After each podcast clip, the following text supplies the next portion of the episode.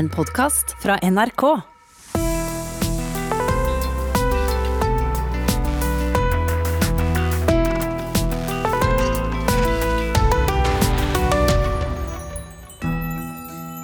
Om du har god flyt i puddersnø, bygger på den siste Ferrarien i Lego eller syns dagene går for sakte.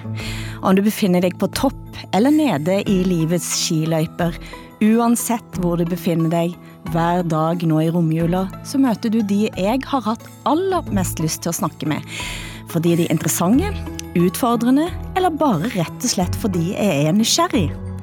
Mitt navn er Hilde Sandvik, som i dag sitter her med landets mest kjente nålevende arkitekt, Snøhetters grunnlegger, selskapet som står bak Operaen i Oslo, biblioteket i Alexandria, Operaen i Shanghai og Vys logo. Kjetil Tredal Thorsen, velkommen til deg. Takk. Men som om ikke det er nok, så sitter òg sønnen Alexander Sandnes Thorsen, tidligere alpinist, nå hjemme på juleferie fra arkitektstudier i Østerrike her. Velkommen, Alexander. Tusen takk. Og tusen takk for at dere ville komme. For jeg har altså en liten bekjennelse å komme med. Det er nemlig en grunn til at jeg spurte om akkurat dere to ville komme her sammen med meg i dag.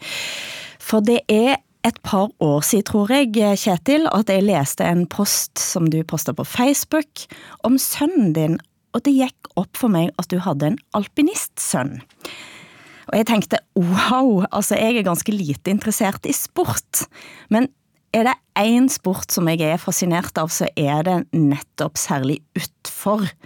For det at det rett og slett utfordrer fysiske lover på en måte som en kanskje nettopp gjør det i den villeste arkitekturen. Forstår du hva jeg mener med det, Kjetil? Ja, absolutt. Skjønner veldig godt hva du mener.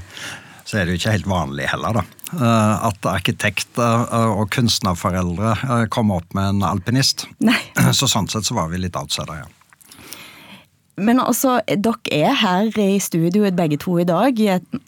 To ekstrem sportutøvere, vil jeg si. Da jeg spurte deg, Kjetil, om du eh, syns det var en god idé å invitere dere sammen, så sa du at denne samtalen her har dere faktisk ikke hatt ennå. Nei, det er helt riktig. Eh, Så jeg ser veldig fram til denne timen. For kanskje det kan være oppklarende for, for meg, og kanskje litt for Alexander òg. Ja, Nei, for det er den samtalen vi faktisk skal ha i dag. En samtale med far og sønn, om frykt, om arkitektur, om sport. Om å overvinne seg sjøl og fysikken.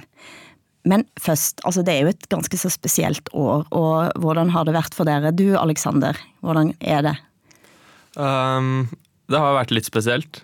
Um, fra å slutte med alpint til å begynne på et studie, og så er det mye som uh, blir vanskelig. Altså, det er jo gøy å komme i gang med noe nytt, men samtidig så går det litt sånn treigt. Litt Ja. trått pga.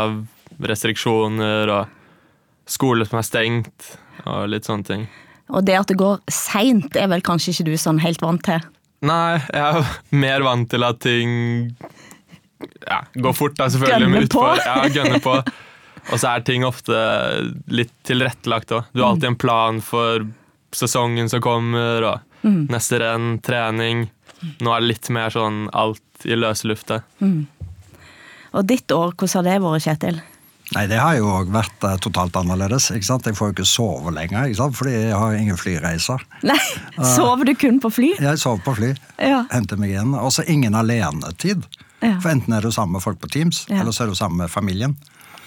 Så eh, toalettet er eneste alenetiden eh, nå om dagen. Men Sitter altså, du og tegner på toalettet da? Eller? sitter og tenker iallfall. Ja. ja. Hæ. Nei, så det har vært veldig spesielt. Uh, samtidig gleder jeg meg veldig til det forhåpentligvis er over. Men eh, for eh, Snøhetta så har det gått eh, rimelig greit, eller? Ja, det er jo et paradoks, kanskje. At i en periode hvor så mye lukker ned og så mye stenger ned, så har vi hatt mer å gjøre enn noensinne.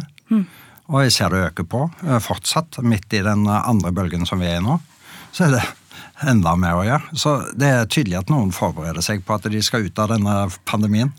Men sånn rent der arkitektonisk fører den måten vi er sammen på nå til ny arkitektur? Ja, det gjør det definitivt. Altså, Særlig fokuset på fellesarealer, utearealer og landskap eh, er etter hvert en av hovedtemaene. ikke sant? Hvor tett skal du egentlig lage en by? Og den fører jo da igjen til at byen må kunne brukes på flere måter enn det den har hatt før. Så det betyr at veldig mye kommer til å være relatert til arbeidsplass, til skole, til undervisning, til hjem. Ja. Men aller mest utearealene. Utearealet. Og hva kommer til å skje i utearealene hvis du skal spå? Nei, jeg håper jo at det går i retning av sånn som vi gjorde på operaen. ikke sant? At byen kan brukes to ganger. Først som opera, og så som plass, f.eks. Ja. Og da har du redusert tettheten allerede. Eller ta vare på alle de uteområdene hvor folk kan møtes. Med gjerne litt avstand, eller på en annen måte. Men nå gjelder det jo virkelig å ikke oppgi håpet om byen. Ja. Eh, Fordi eh, alle tror at eh, nå er spredt bebyggelse på en måte løsningen, men det er det jo absolutt ikke. Vi må fortsatt ha kompakte byer pga. miljøet. Ja. Men å bruke hvert frirom som dukker opp, til, til sosial, sosial samvær. Du sa, Alexander, at du har lagt skiene på hylla. Jeg lurer på om eh, du tror dine foreldre er glad for det? Um, nei, jeg tror egentlig ikke det. Eller jo, eh, de ønsker selvfølgelig um, det beste for meg, som jeg har skjønt. Uh, men så fikk jeg også høre, egentlig fra deg da, i samtale før intervjuet, om uh, at pappa var mer nervøs når jeg skulle inn i arkitekturyrket enn det han var da jeg kjørte utfor. Det var litt interessant, fordi det, jeg har ikke hørt det selv før. Så det er liksom på tide å finne seg noe nytt, da, tenker jeg. Nei, men det, er- det er jo sånn, Alex, at eh, i det øyeblikk eh, du går inn i noe som jeg kjenner, Mm. så øker jo nervøsiteten. Ja. For jeg vet hvor hardt det er. Jeg vet hvor vanskelig det er, jeg vet hvor mange ting som skal gjøres. Mens det å kjøre utfor, det var bare én ting. Tsk! Men Kun- jeg, altså. Jeg ville vært livredd hvis mine barn hadde valgt seg utfor. Jeg hadde ikke fått sove på natta, tror jeg, hvis jeg visste de skulle konkurrere dagen etterpå. Nei, men Det er en skjelving i kroppen. eh, Særlig rett før start. Jeg husker jeg hadde en forelesning i Frankrike mm. når han skulle kjøre renn.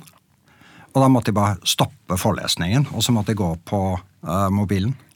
Ja. Og Det tok jo en halvtime før det var over, og så fortsatte jeg med forelesningen. Altså, Det er en intens spenning Ja. Eh, når du følger med på de tingene. Og det har jo med så mange ting å gjøre. ikke sant? Det har ikke bare med om å vinne eller ikke vinne å gjøre. Men det har rett og slett med Gjorde han det bedre nå enn forrige gang, eller hva var utfordringen? Og så var vi ikke seine om å snakke sammen som regel heller, etter rennene. Selv om han trengte litt tid for seg sjøl, så han var ikke sånn som ringte hjem før og etter et renn. Var din mor like eh, rolig eller urolig, vil du si? Nei, jeg tror hun var litt mer urolig enn pappa. Fordi Eller hun har sagt i hvert fall i etterkant at hun syns det er litt deilig å slippe hele tiden om vinteren. da. Og hele tiden sende meldinger etter Hvis hun ser jeg har kjørt ut et renn, da. Så er det liksom på telefonen, ringe Nå må han svare og gi meg confirmation på at han er ok. Ja. Um, så jeg tror hun setter litt mer pris på å slippe uh, usikkerheten enn vinter. Men for meg, da, som du hører, har en stor fascinasjon for sporten, Mm. og ville vært livredd sjøl. Hvorfor valgte du akkurat denne idretten? Det er, det er et godt spørsmål. Jeg, har, jeg drev med en del som barn. Da drev jeg med fotball, skihopping, ja, litt sånn kombinert. Uh, alpint Var det noe mer? Nei, i hvert fall de. Så skihopping det begynte jeg å Etter hvert så falt jeg så mye. Jeg ble litt for tung, tung i baken av å drive med alle de andre sportene. Og så fant jeg at jeg var sluttet på det, og så holdt jeg fotball og alpint litt eh, lengre. Og da var det et spørsmål om Jeg tror egentlig miljøet kanskje var det som holdt meg alpint mest. Det er et mye liksom, tettere miljø, og du blir bedre kjent med de du reiser rundt med. Um, ja, og så var jeg kanskje bedre. Jeg hadde en mer connection til alpint enn til fotball. Du var jo et stort talent. Ja. Hvor langt nådde du? Um, jeg syns jeg nådde langt. Jeg, altså, jeg nådde lenger enn jeg hadde trodd som barn. Altså, etter hvert så skjønte jeg liksom mer og mer at det kunne faktisk gå og bli ordentlig god. Ehm, men jeg vil vel kanskje ikke si at jeg nådde så langt som jeg hadde lyst til etter hvert, da, på slutten av eh, karrieren. da fikk jeg et litt sånn større tro på at det kunne gå lengre. Uh, Og så ja, la du det vekk, og det skal vi snakke mer om. ja, ja.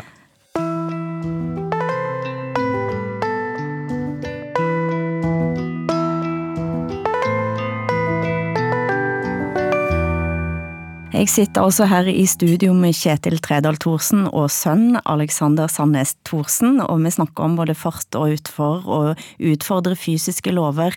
Eh, Hva har du tenkt om utforkjøringen, eh, Kjetil? Altså, hva tenker du om det som idrett?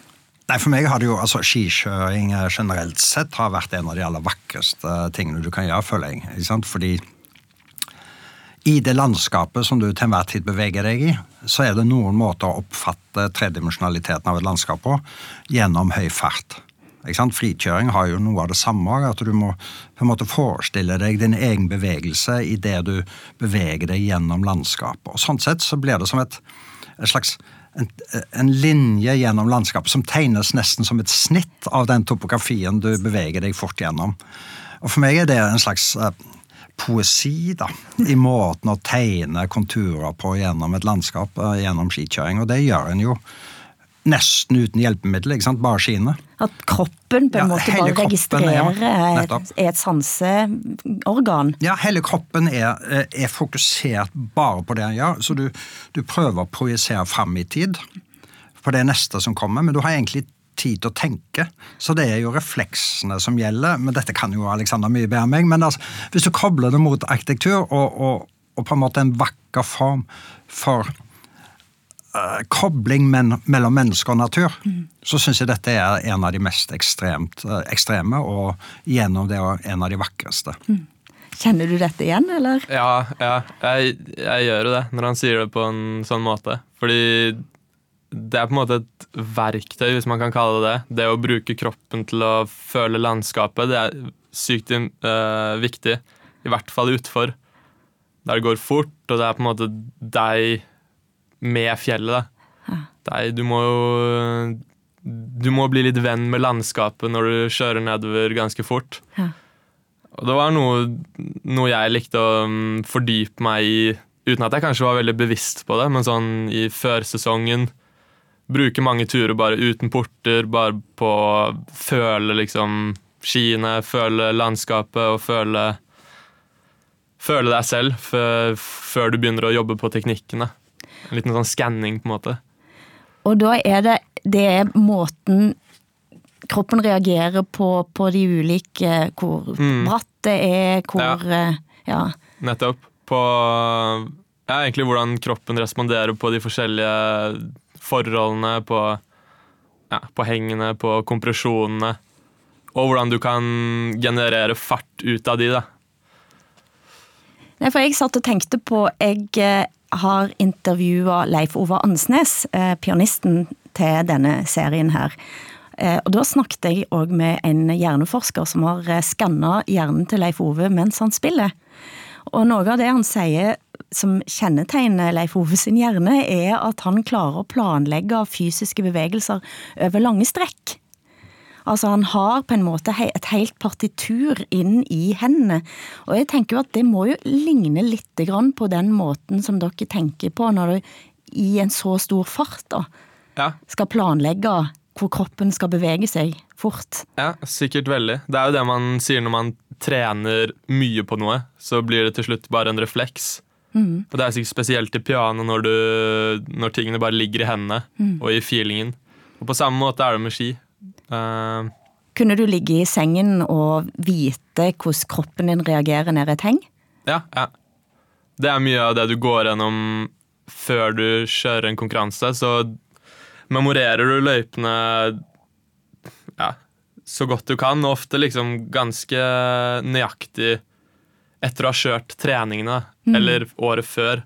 Så bygger du på en måte en bedre og bedre forståelse av løypa, og, og så husker du det meste ganske korrekt før du faktisk kjører rennet. rennet. Så de som er litt eldre, har jo mange år med erfaring akkurat på det.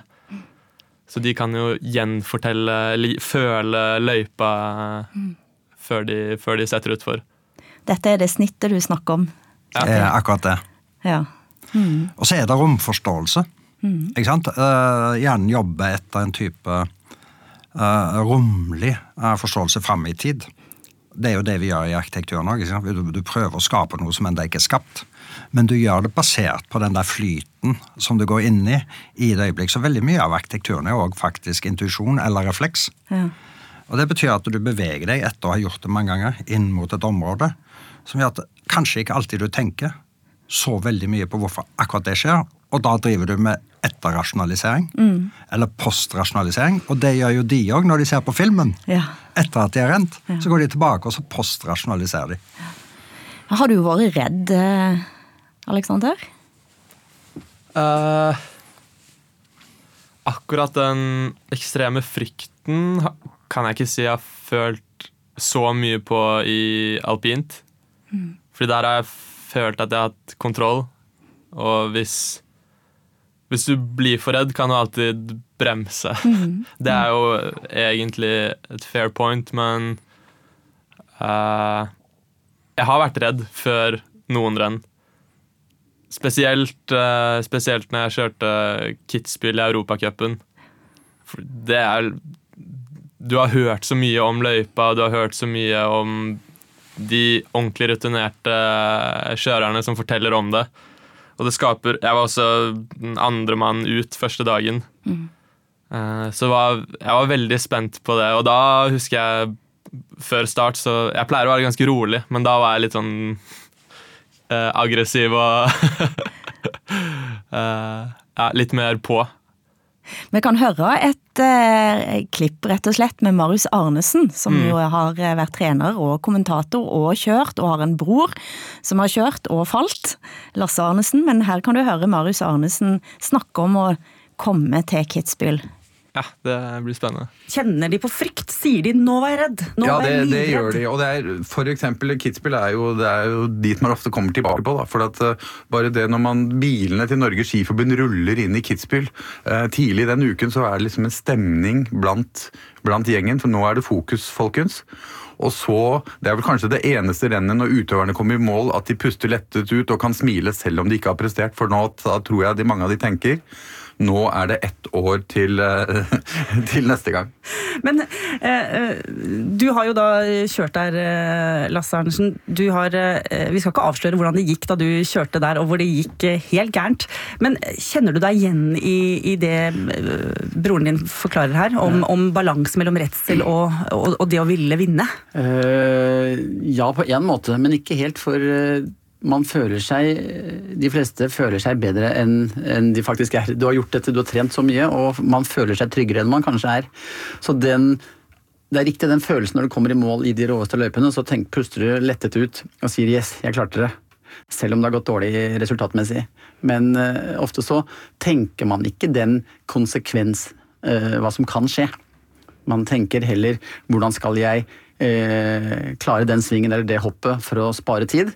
Og det er stort sett det fokuset som er der, og det tror jeg er helt avgjørende. Hvis du tenker på risiko, så kan du like gjerne være hjemme. Altså, De streif eh, utforløypa i Kitzbühel er idrettsens verste skrekkøvelse, er det, er det kalt. Og du satt og Ja. nikka her. Ja, det er jo det. Jeg kjenner igjen den følelsen selv, og den gangen jeg kjørte, så var det alle kom i mål og bare lo litt sånn uh. Ende er ferdig, ferdig med det, liksom. Det var helt sjukt. Lasse Kjus han har sagt at når du står med start, kikker ut og løypa går rett ned som et stup. Langt der nede i dalen ser du sykehuset som lyser opp, og da kjenner man dødsangsten. Den som ikke er redd da, er en fare for seg selv. Da er man ikke modig, men idiot.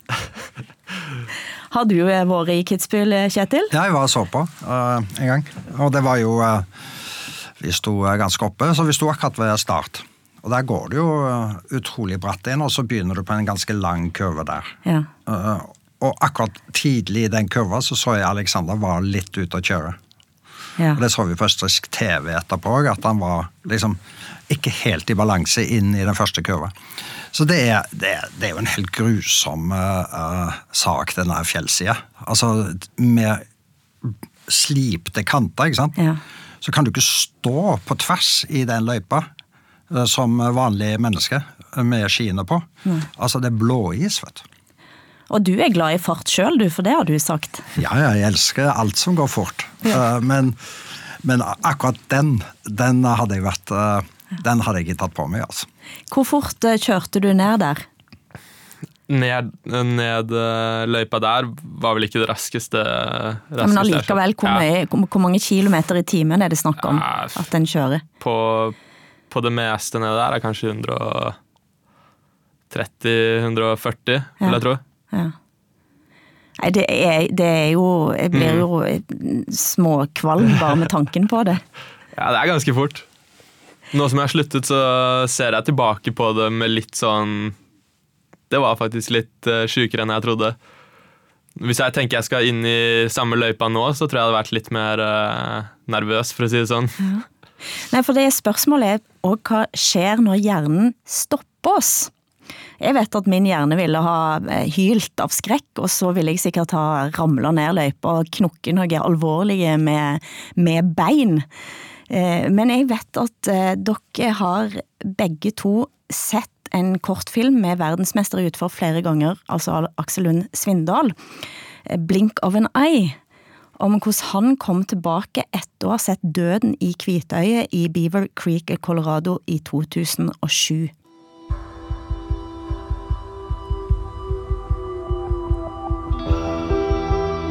Redd er det bare hvis du er usikker, da. Du har alltid respekt og deg er nervøs, men hvis du har en god plan, så blir du ikke redd.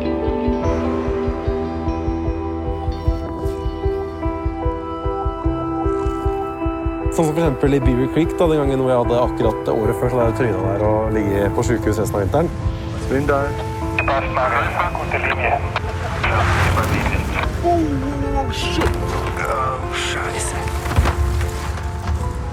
Og når jeg kom tilbake dit eh, året etter, og det var det- første utførende jeg skulle kjøre omtrent, da klarte jeg ikke å komme rundt eh, det faktum at jeg var redd.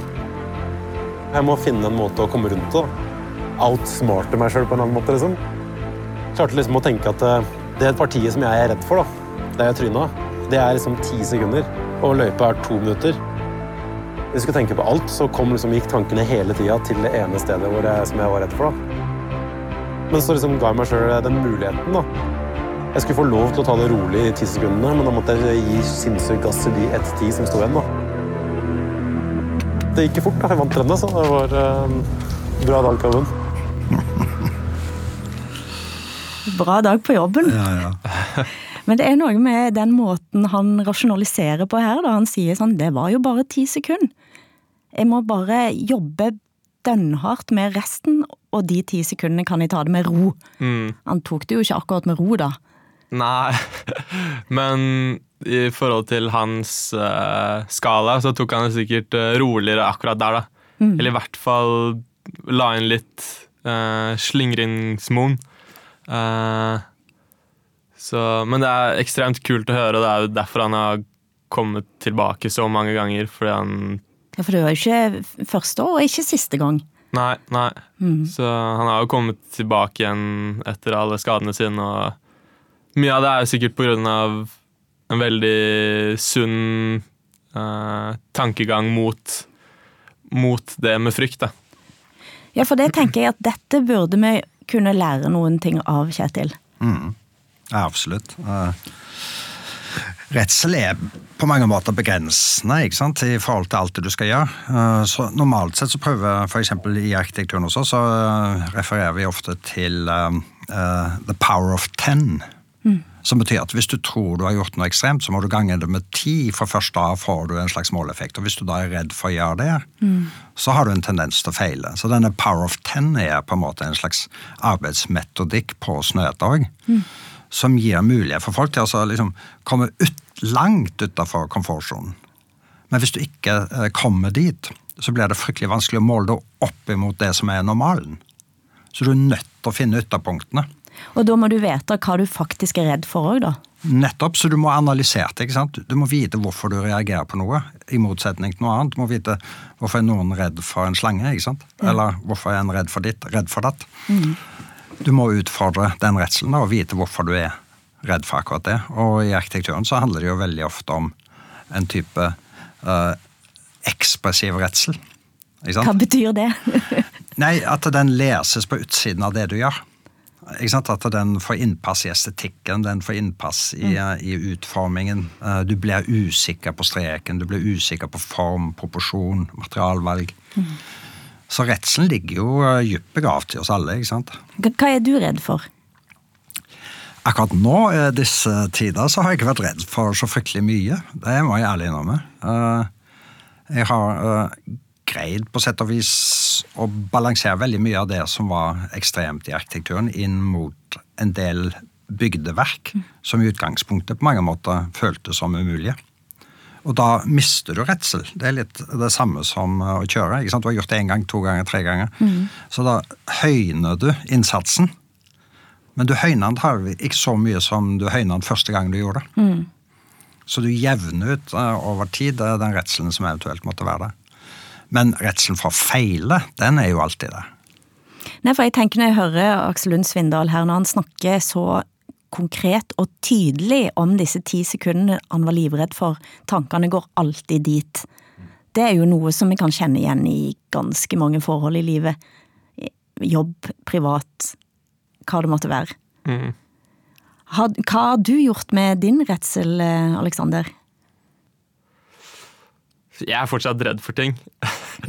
Så jeg vet ikke Jeg har sikkert mye å jobbe med der fortsatt. Uh, men jeg må også finne ut litt hva jeg er redd for, da, for jeg har ikke opplevd så mye i livet mitt. Altså, jeg er fortsatt 24 år gammel.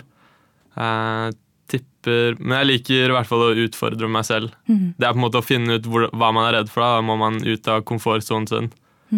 Og eventuelt da kan man oppleve noe man er redd for. Men jeg er ikke Altså Jeg har ikke noe teknikk på å mestre redsel enda. Kanskje eh, gi litt mer faen, da. Det er jo et enkelt og greit triks. Som jeg bruker i noen ting.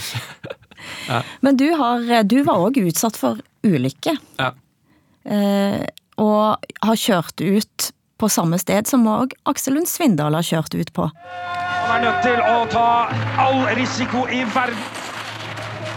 Stuper ut 24 deler bak. Og er muligheten her for Aksel. Og nå er det Nei! Ja, eller jeg kjørte ut i, i Kvitfjell, da. Ehm, I mitt andre verdenscuprenn. Så da gikk jeg ut i første svingen der og brakk ryggen. Um, og så kom jeg tilbake året etter det. Så fikk to uh, jernstenger inn i ryggen, og så tok jeg ut de etter et halvt år. Og så kom jeg på ski igjen rett etter det. da. Uh, og inn mot sesongen da så gikk det jo litt treigt, og jeg risket ikke like mye når jeg kom tilbake uh, som det jeg gjorde før.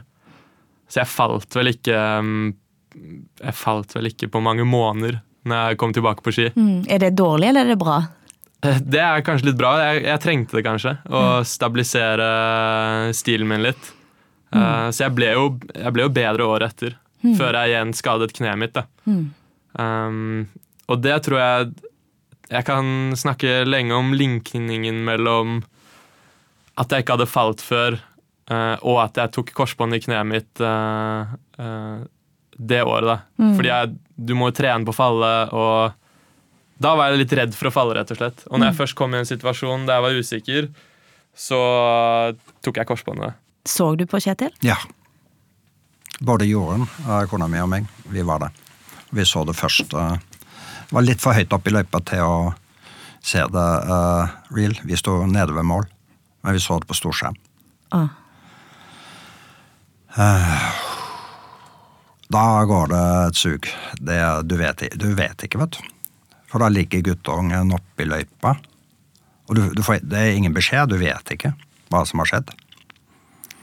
Og så så vi ingen bevegelse heller. ikke sant? Så, men så faktisk så løfta de han ned fra helikopteret ned til oss før de fløy han videre til sykehuset.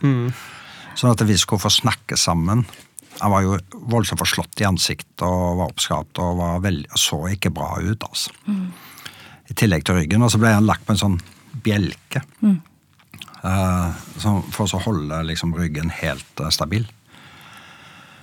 Men uh, den følelsen der og da, Den er ikke noen forunt, da, egentlig. Fordi det er jo ikke derfor du holder på med dette, for å oppleve sånne ting. Du er jo i det som familie og jakter ting fordi det egentlig skal være en veldig positiv ting. Men når det da snus på hodet på den måten, så blir det ekstremt uh, negativt. Og jeg, har, jeg satt i bilen opp veien opp, siden vi begynte samtalen. da.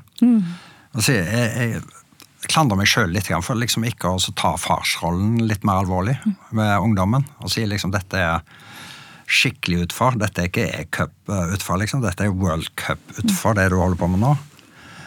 Du trenger ikke å bli verdensmester første dag, liksom. Du har tid. Men det gjorde jeg aldri. Så den samtalen hadde vi ikke. Og kanskje så hadde han ikke hørt på meg heller hvis jeg hadde gjort det.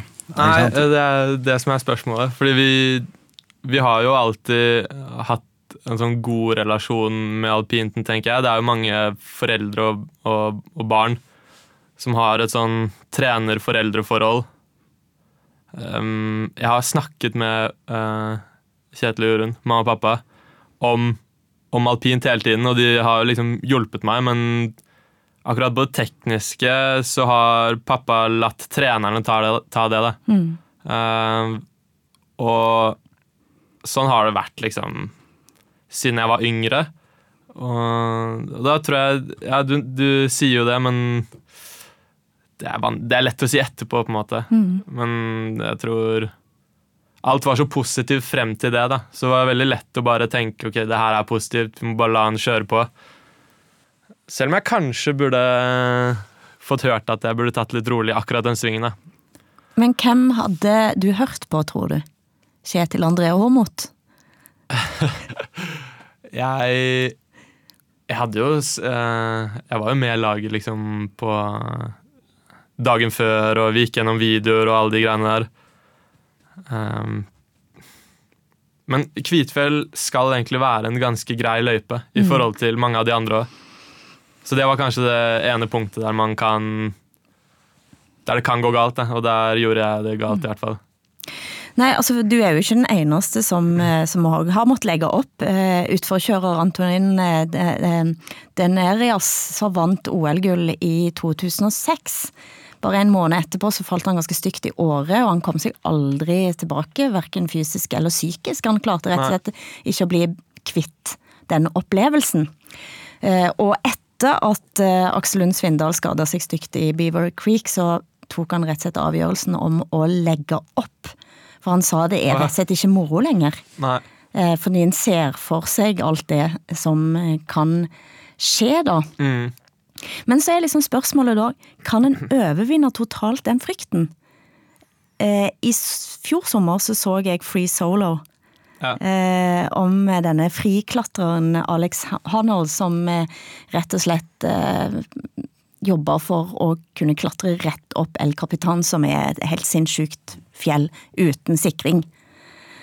Og eh, det var en hjerneforsker som skanna hans hjerne og sa at her finnes det faktisk ikke et fryktsenter. Og det samme har en hjerneforsker som har eh, rett og slett skanna hjernen til Aksel Lund Svindal, sagt Mark Greenlee. Han så eh, på denne hjernen til denne utforkjøreren og sa at her var det noe veldig spesielt, eh, og la oss høre her et utdrag ifra Ekko. Altså, De viste fram film fra ulykken til Aksel mens de skannet hjernen hans.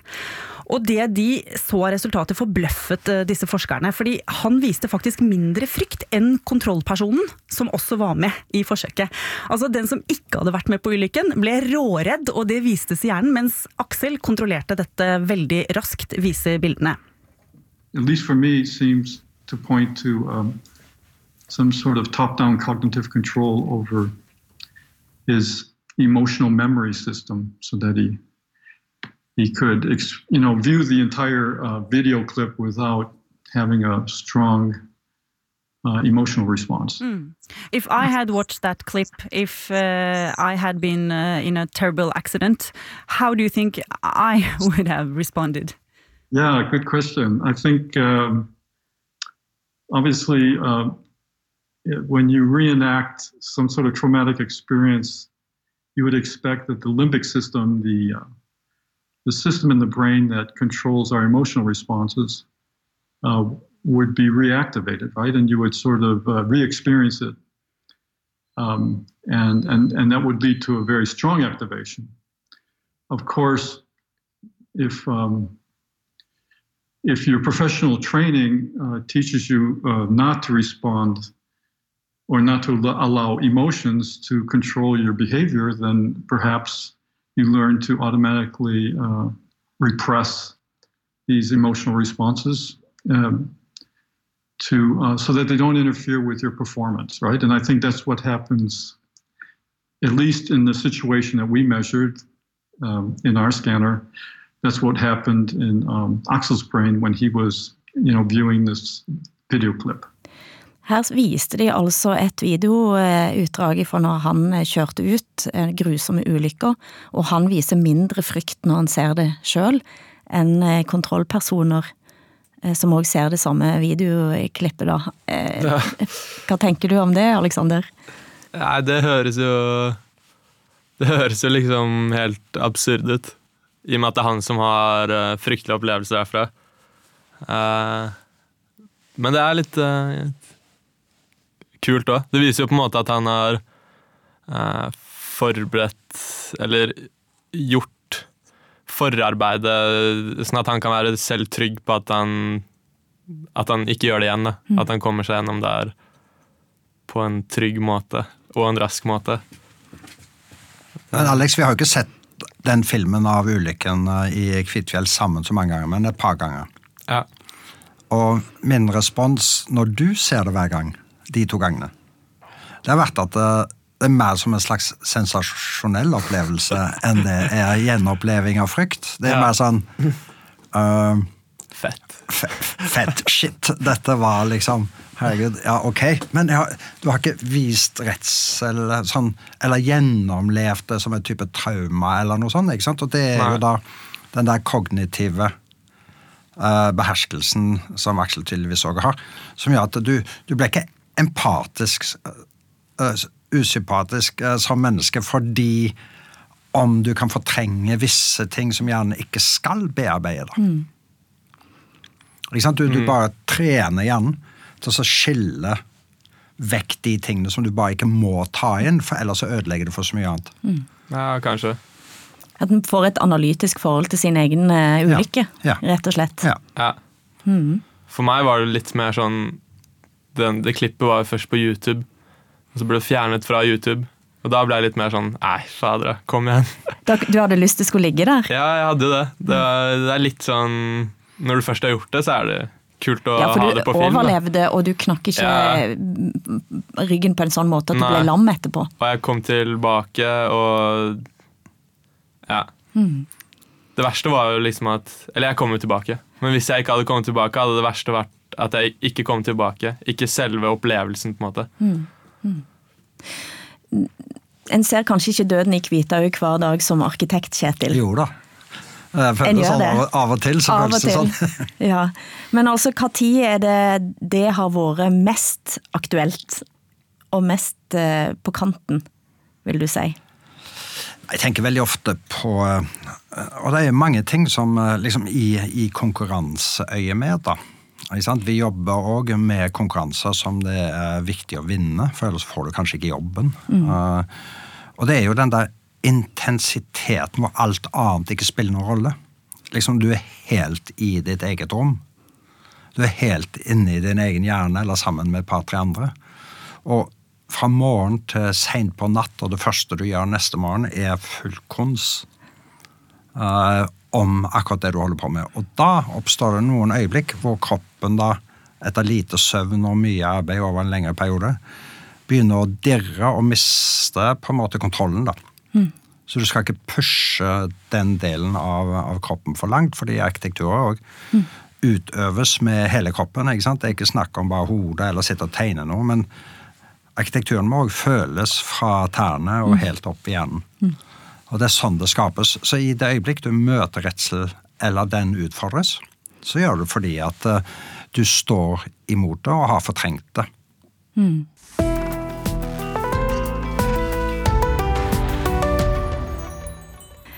Du hører altså på Sammen med Sandvik, og sammen med meg i dag sitter Kjetil Tredal Thorsen og Alexander Sandnes Thorsen.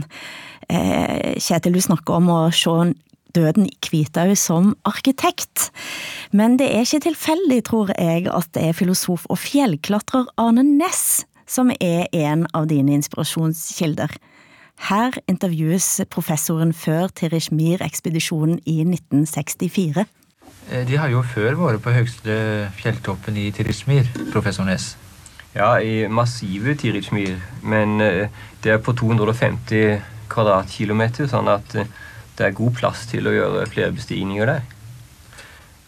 Og det var Vesttoppen de var på før, og nå skal de prøve Østtoppen. Ja, og den gir seg selv fordi, som et mål fordi den er, har et fantastisk utseende.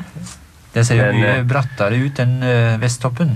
Ja, det, sydsiden er forferdelig bratt og forferdelig pent formet. Og der er det vi da skal prøve på noe nytt, nemlig å ha skarpklatring over 7000 meter. Forferdelig bratt og forferdelig pent. Ja, nydelig. Nei, Naturfilosofien som sådan den er jo grunnleggende i, i vurderingen av det. ikke sant? Men òg hvordan menneskekroppen er relatert til noe annet. Så det har jo vært en av mine kjepphester, og derfor jeg misliker at han liksom går inn i arkitekturen òg. fordi du skal være så ekstremt uh, fokusert og til stede over så voldsom lang tid for i det hele tatt å inkorporere disse tingene inn i kroppen. Mm. Uh, men kroppens posisjon i forhold til noe annet er beskrevet gjennom uh, alle, I språket beskrevet gjennom Hva heter det igjen? Um, preposisjonene. Mm -hmm. Om det er på eller under eller ved riktig, eller riktig. Ja. Og i naturen så inntar kroppen alle disse posisjonene uh, i forhold til noe annet. Mm.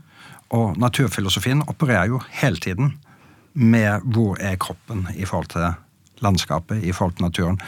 Og jo flere preposisjoner du kan få inn i arkitekturen, mm. jo tettere blir arkitekturen på naturen.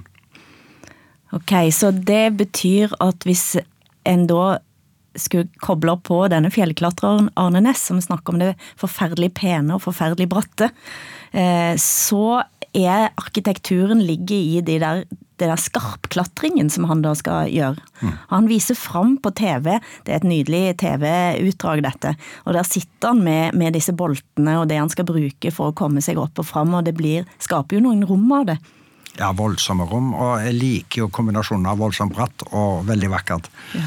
Og det er veldig ofte de tingene henger sammen, da. Bokstavelig talt. ja, bokstavelig talt. ja. Du, du, går ut og sammenligner et indre bilde av noe som du har, men de bildene de aller fleste går og bærer på, er jo kompromitterte bilder. Mm. Mens hvis du lar det gå, da, hva er din det, ytterste, ditt ytterste, uh, det ytterste grensesnittet for uh, et mulig mareritt. Og i det marerittet så ligger det noe vakrere enn i normalen. Eh, kan du si det helt konkret? Gi et eksempel. Ja, Det er jo det jeg refererte til tidligere. ikke sant? Du ganger med ti. Mm. Ok, Du tror du har tegna et høyt rom. Det er ti meter høyt. Det er ikke høyt det rommet før det er 100 meter høyt. Mm -hmm. Ikke sant? Du må mm. gange med ti. Og da tester du det ekstreme forholdet mellom bredde, høyde, opplevelse, avstand, distanse, mikro, makro, som vi har snakka om tidligere i landskapet. ikke sant? For det er ikke bare det store landskapet du skal kontrollere når du kjører på ski, heller ikke i arkitekturen.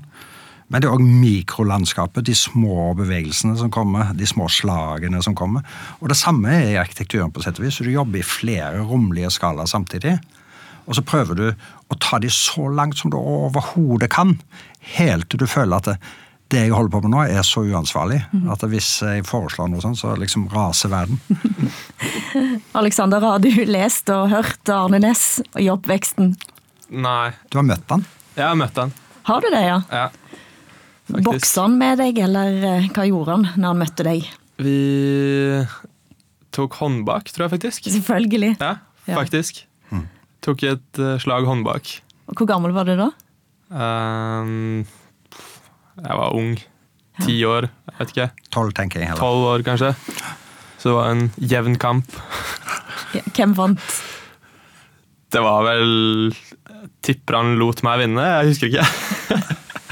Nei, Han var jo fæl å ta håndbak med alle, og han satt jo allerede i rullestolen. Ja. Men uh, liksom den der kampevnen, altså lysten til å overvinne eller å vinne, Mm. altså konkurranseinstinktet, ikke nødvendigvis mot bare andre mennesker, men mot naturen, ikke sant? Jean Prouvé, som er en fransk arkitekt, han har sagt uh, at architecture has nothing to resist but nature. Nettopp. Ja. Og det er jo på mange måter det Arne Næss gjorde i sin filosofi. Kan du si noe mer om hva det var som gjorde at han ble en inspirasjonskilde? Jeg tror, eh, For det første så er når en jobber med arkitektur på den måten, så prøver en også å finne referansepunkter i livet. Hvor du kan begynne å lese ting, eller se ting, eller, eller koble opp imot ting som du føler er relevante for deg.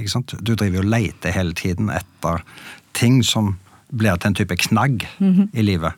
Det kunne være uh, Flann O'Brien, eksempel, med sin bok uh, The Third Policeman, som er liksom langt inn i uh, inn i, inn i det fabulerende og langt inn i helt andre ting. Og så har du på den andre siden en person som Anne, som både kan gå i seg sjøl og være ensom i det han står for, men samtidig så radikal i meningsytringene i forhold til alt som hadde allerede den gang, fra klima, eh, med klima å gjøre, til forståelse, naturforståelse, og koble det mot filosofi. Ikke sant? Plutselig så blir det en slags grunnleggende tanke som, eh, som vi må forfølge. Og det var det som kobla meg eh, så sterkt på det. Men det har ikke vært helt tilfeldig at vi har snakket om frykt og snøhetter. Eh, For da sosialantropolog Einar Landsverk Hagen disputerte, så var det etter feltarbeid på snøhetter. Og avhandlingen fikk tittelen Fair and Magic in Architects Utopia. The Power of Creativity Among the Snøhettas of Oslo and New York. Hva fant du ut, eh, Kjetil? Nei, Hun jobba jo med veldig mange delelementer i den avhandlingen i sin tid. Men det var jo morsomt du hadde funnet fram til den, da, fordi hun var jo òg med på å etablere en bok som eh, heter Idea Works, og, og gjorde intervjuer over en veldig lang periode hos oss. Og hun fant fram til noen delelementer av måten vi jobber på, som nesten måtte være til stede for at det skulle bli et godt resultat. Og det, det med ut, å utfordre, eller å ta tak i frykt, altså frykten for å ikke lykkes, eh, veldig ofte, ligger jo eh, grunnleggende i bunnen for alt det vi holder på med.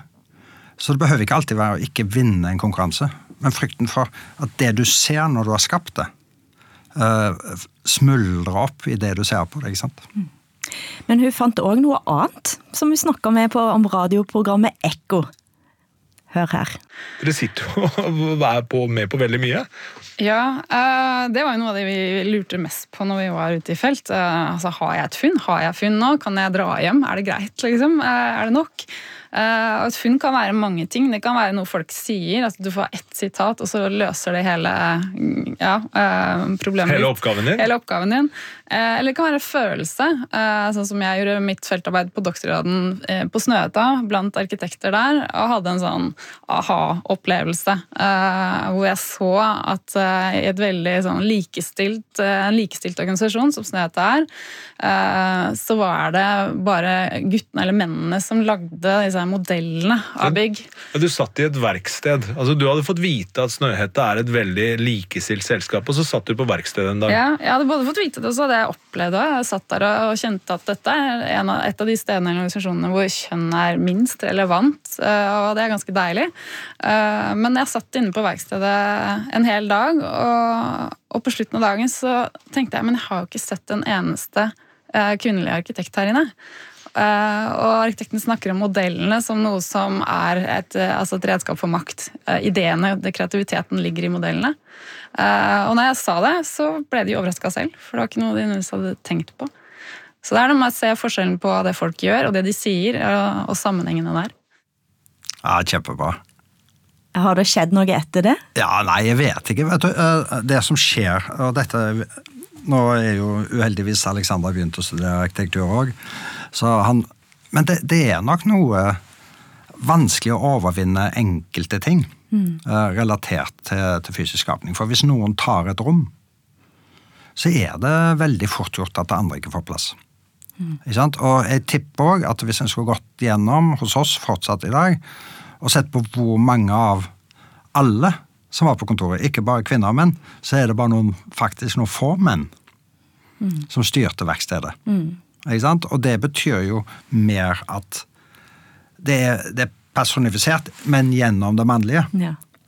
Så jeg, jeg tror eh, Etter hvert så har vi sett en viss utvikling der, etter hvert som utdanningen har forandra seg. For nå er det 50-50 på kvinner og menn i arkitektutdannelsen på verdensbasis. Som er kjempebra. Det burde helst vært enda mer eh, kvinner. Da har vi kanskje slak, sakte, men sikkert, og dette begynner jo å bli noen år siden hun holdt på med dette, så etter hvert så ser jeg nok at det er flere som går inn og tør å ta liksom det rommet som normalt sett var guttas rom. da. Men det, det er langt å gå enda. Altså, det, er, det fins ingen absolutt likestilling i noe sted. Det har ikke jeg opplevd, i hvert fall. Alexander, hvorfor har du da valgt deg dette yrket? Ja. Det, Hvorfor? Det har jeg. Eh, jeg tenkte det spørsmålet kom, faktisk. Selvfølgelig kom det spørsmålet. Jeg vet jeg har fått det før, og da blir det litt sånn Folk sier det med litt sånn smil om munnen. 'Hvorfor har du blitt eh, valgt til arkitektur?' Så Jeg vet Altså, jeg Planen var alltid å stå på ski, um, og jeg hadde andre interesser. Men så må jeg, har jeg bare sett på det store bildet, egentlig. Sånn, Hva liker jeg å gjøre, hva jeg likte å gjøre som når jeg ikke har stått på ski. Hva, hva Hvilket arbeidsmiljø vil jeg jobbe i, eh, og litt sånne ting. Og så har det sikkert blitt, har blitt påvirket av foreldrene mine. Mm. Ikke sånn, De har ikke pushet meg til noe, og heller motsatt, kanskje. Og så, men jeg har lyst til å prøve, i hvert fall. Mm. Det er ikke sånn at jeg eh, vet om jeg vil eh, studere eller bli arkitekt. Jeg har lyst til å utforske det. Men du gikk jo rett inn i modellverkstedet når du kom til Innsvåg. Det var jo Eh, blant de første ting du gjør. Du har alltid gjort det. Så Ja, du er en eh. sånn typisk guttegutt som ville plutselig liksom Som vil bygge inn i Jeg- bygge modeller. Ja, jeg ville nok eh, låst døra på eh, modellverkstedet der. Ja. Kapret det rommet. Hva, Ja. hvem ser du opp til av arkitekter? Uff, av arkitekter. uh, jeg har vel egentlig ikke noen særlige forbilder der. Mm. Jeg er ikke så godt kjent med arkitektverden, egentlig. Eh, så det er litt det jeg har lyst til å utforske. Men jeg er litt mer uh, intrigued av uh, krysningen mellom det kreative og og det litt sånn Ja, det litt sånn følbare og det litt uh, tekniske, vil jeg tro. Jeg er nødt til å spørre dere, som jeg har spurt alle gjester her, eh, hva ønsker en seg den dagen verden åpner opp? Har du tenkt på det, Aleksander? Uh, Etter korona. ja Det er vel en Jeg ønsker en st- Jeg ønsker å delta på en stor fest. Jeg ønsker eh, mange folk, og ja. Det har jeg tenkt på, faktisk. Ja, For du har vært ganske aleine i Innsbruck òg? Ja, eller jeg har bodd med tre andre. Ja. Men skolen har ikke vært åpen, så jeg har liksom ikke eh, Jeg har ikke blitt eh, tvunget inn med folk. Nei, men Der er Alexander og meg veldig enige. altså. For Du vil også ha en stor fest? Ja, jeg vil ha en kjempefest på skuret. ikke sant? Men dere hadde jo en stor fest rett før det stengte ned. Ikke så lenge før, iallfall. Nei, nei, men vi har det egentlig hvert år med 1000 gjester. ikke sant? Ja. Og så da bare løfter taket seg ned Ja. på Skur 39. Ja. Og da er det band og drikking og musikk og full pakke. ikke sant? Og det er jo det som skjer når du holder på hardt uh, lenge, så trenger du å løfte ut. Du trenger å løfte ut uh, rommet, du trenger å løfte ut uh, alt det du holder på med. Mm. Og hva type fest vil du ha? Um, ikke på Snøta med faren min, tror jeg. det hadde vel Det er blitt med venner, da. Sånn typisk sånn som, uh, sånn som vi har.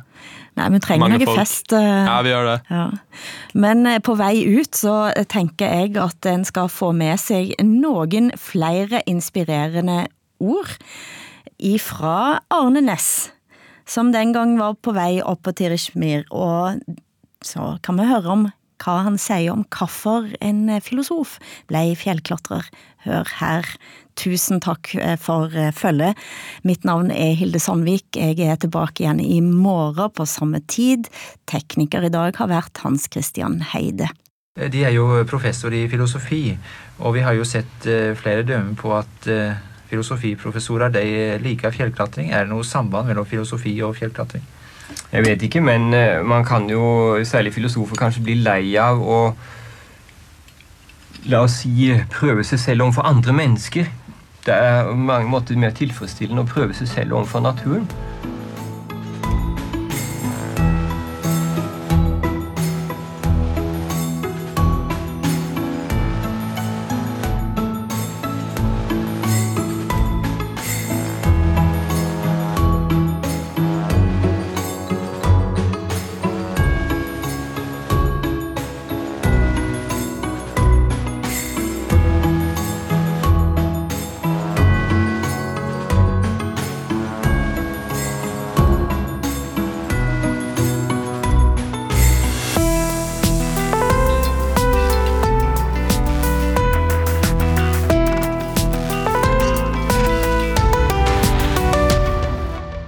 Hørt en podkast fra NRK. Hør flere podkaster og din NRK-kanal i appen NRK Radio.